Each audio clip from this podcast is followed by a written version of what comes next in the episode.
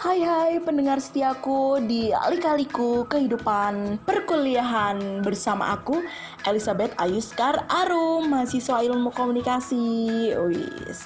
Gimana nih kabar kalian? Semoga di tengah pandemi COVID-19 ini kalian baik-baik aja ya.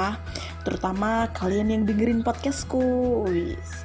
Gimana nih kalian masih di rumah aja kan? Semoga um, keadaan cepet baik-baik aja ya terus kita bisa melakukan aktivitas secara normal di luar gitu tapi untuk kali ini kalian jangan keluar-keluar dulu di rumah dulu uh, belajar belajar di rumah kuliah di rumah ibadah di rumah pokoknya semua dilakukan dulu di rumah oke okay?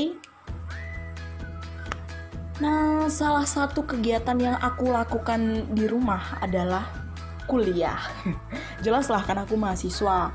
Nah, di kuliah daring kali ini, di mata kuliah produksi multimedia, dosen aku yang namanya Mas Boy itu mengundang salah satu enggak salah satu sih salah dua wih salah dua dari um, detik.com itu ada Mbak Elsa dan Mbak Meli. Dan Mbak Elsa itu adalah alumni Atma juga gitu. Dan mereka itu banyak sharing ya tentang kerja di detik.com terus um, sharing tentang pengalamannya jadi jurnalis terus Mbak Meli juga ngasih materi tentang gimana sih berita itu um, prosesnya bisa masuk ke media sosial. Itu banyak banget yang aku dapetin waktu kuliah daring sama Mbak Elsa dan Mbak Meli ini gitu. Nah dari banyaknya sharing atau banyaknya materi atau banyaknya obrolan yang kemarin kita obrolin di kuliah daring itu, aku lebih menggaris besari, menggaris besari um, tips buat kita sebagai calon jurnalis atau tips buat kamu juga yang memang pengen jadi jurnalis atau mahasiswa jurnalis kayak aku untuk um, gimana sih ke ke depannya kalau kita pengen jadi jurnalis tuh gitu. Jadi kemarin Mbak Elsa nyiap nyiapin bukan nyiapin ya tapi mereka bilang tips-tips gitu. Jadi aku merangkum dan aku mau bikin podcast di sini begitu. Nah langsung aja nih tips yang pertama. Tips yang pertama itu pertama dan utama itu mental katanya Mbak Elsa soalnya mental itu penting banget ya di dunia kerja apalagi di um, dunia jurnalistik. Karena seorang jurnalis itu bakal uh, menghadapi banyak tantangan dan cobaan gitu loh. Karena kalau misalnya jurnalis um, turun ke lapangan misalnya dia um, dapat narasumber yang mungkin kurang enak atau um, kurang membantu pekerjaan jurnalis. Jadi kita sendiri kan yang apa ya yang capek. Terus belum nanti kalau misalnya di kantor uh, kita dimarahin karena kerja kita yang kurang atau karena sedikit kesalahan begitu. Jadi mental itu harus disiapkan. Um, kalau misalnya kamu nggak kuat banyak juga tuh jurnalis-jurnalis yang akhirnya mengundurkan diri sebagai jurnalis karena mereka merasa ini tuh berat tantangannya tuh berat um, gimana ya nggak sanggup gitu loh untuk menjalani semua itu.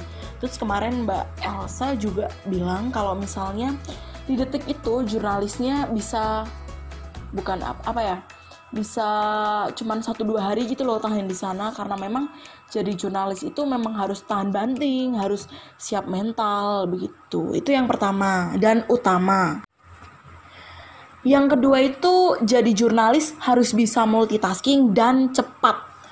Nah, gitu. Kalau um, cepat itu misalnya ya ada sebuah peristiwa, misalnya um, apa ya gempa bumi. Kalau gempa bumi kan kita harus cari berita itu secepatnya, cari informasi secepatnya bikin berita secepatnya dan harus bisa dirilis secepatnya juga. Kalau misalnya hari ini gempanya, tapi rilisnya dua hari kemudian, itu kan nggak mungkin kan. Jadi kita benar-benar harus kerja secara cepat. Terus harus bisa multitasking juga. Um, jadi sekarang kita tuh sebagai manusia bisa membuka beberapa aplikasi dalam satu satu pekerjaan. Hal ini juga menuntut para pekerja seperti kita, jurnalis untuk bisa multitasking dalam bekerja. Kalau kemarin kata Mbak Elsa, jadi misalnya dia lagi menghadiri konferensi konferensi pers. Di situ dia mendengarkan konversi konferensi itu terus dia juga harus menulis jadi habis uh, mendengarkan dan juga menulis juga karena memang harus dirilis secepatnya belum nanti kalau dia harus bertanya terus nanti kalau uh, belum juga kalau pihak kantor telepon ini harus tanya ini harus tanya ini jangan lupa tanya ini. Jadi pekerjaannya itu dalam satu waktu bisa mengerjakan beberapa pekerjaan begitu.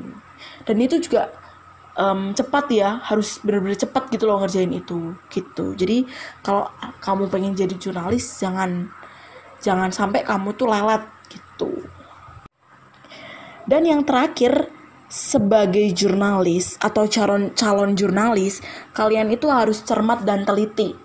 Kan um, pekerjaan si jurnalis itu kan menulis ya menulis sebuah berita.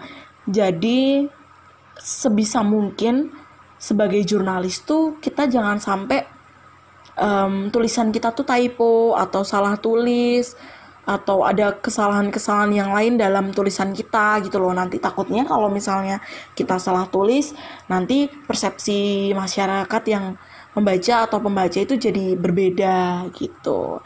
Jadi itu ada berapa ya tadi? Tiga tiga tips buat kamu yang pengen jadi jurnalis. Dan ketiga tips ini sudah aku rangkum dari kuliah daring kemarin. Jadi jangan lupa ya buat kalian yang pengen jadi jurnalis, semangat terus dan kejar cita-citamu. Good luck!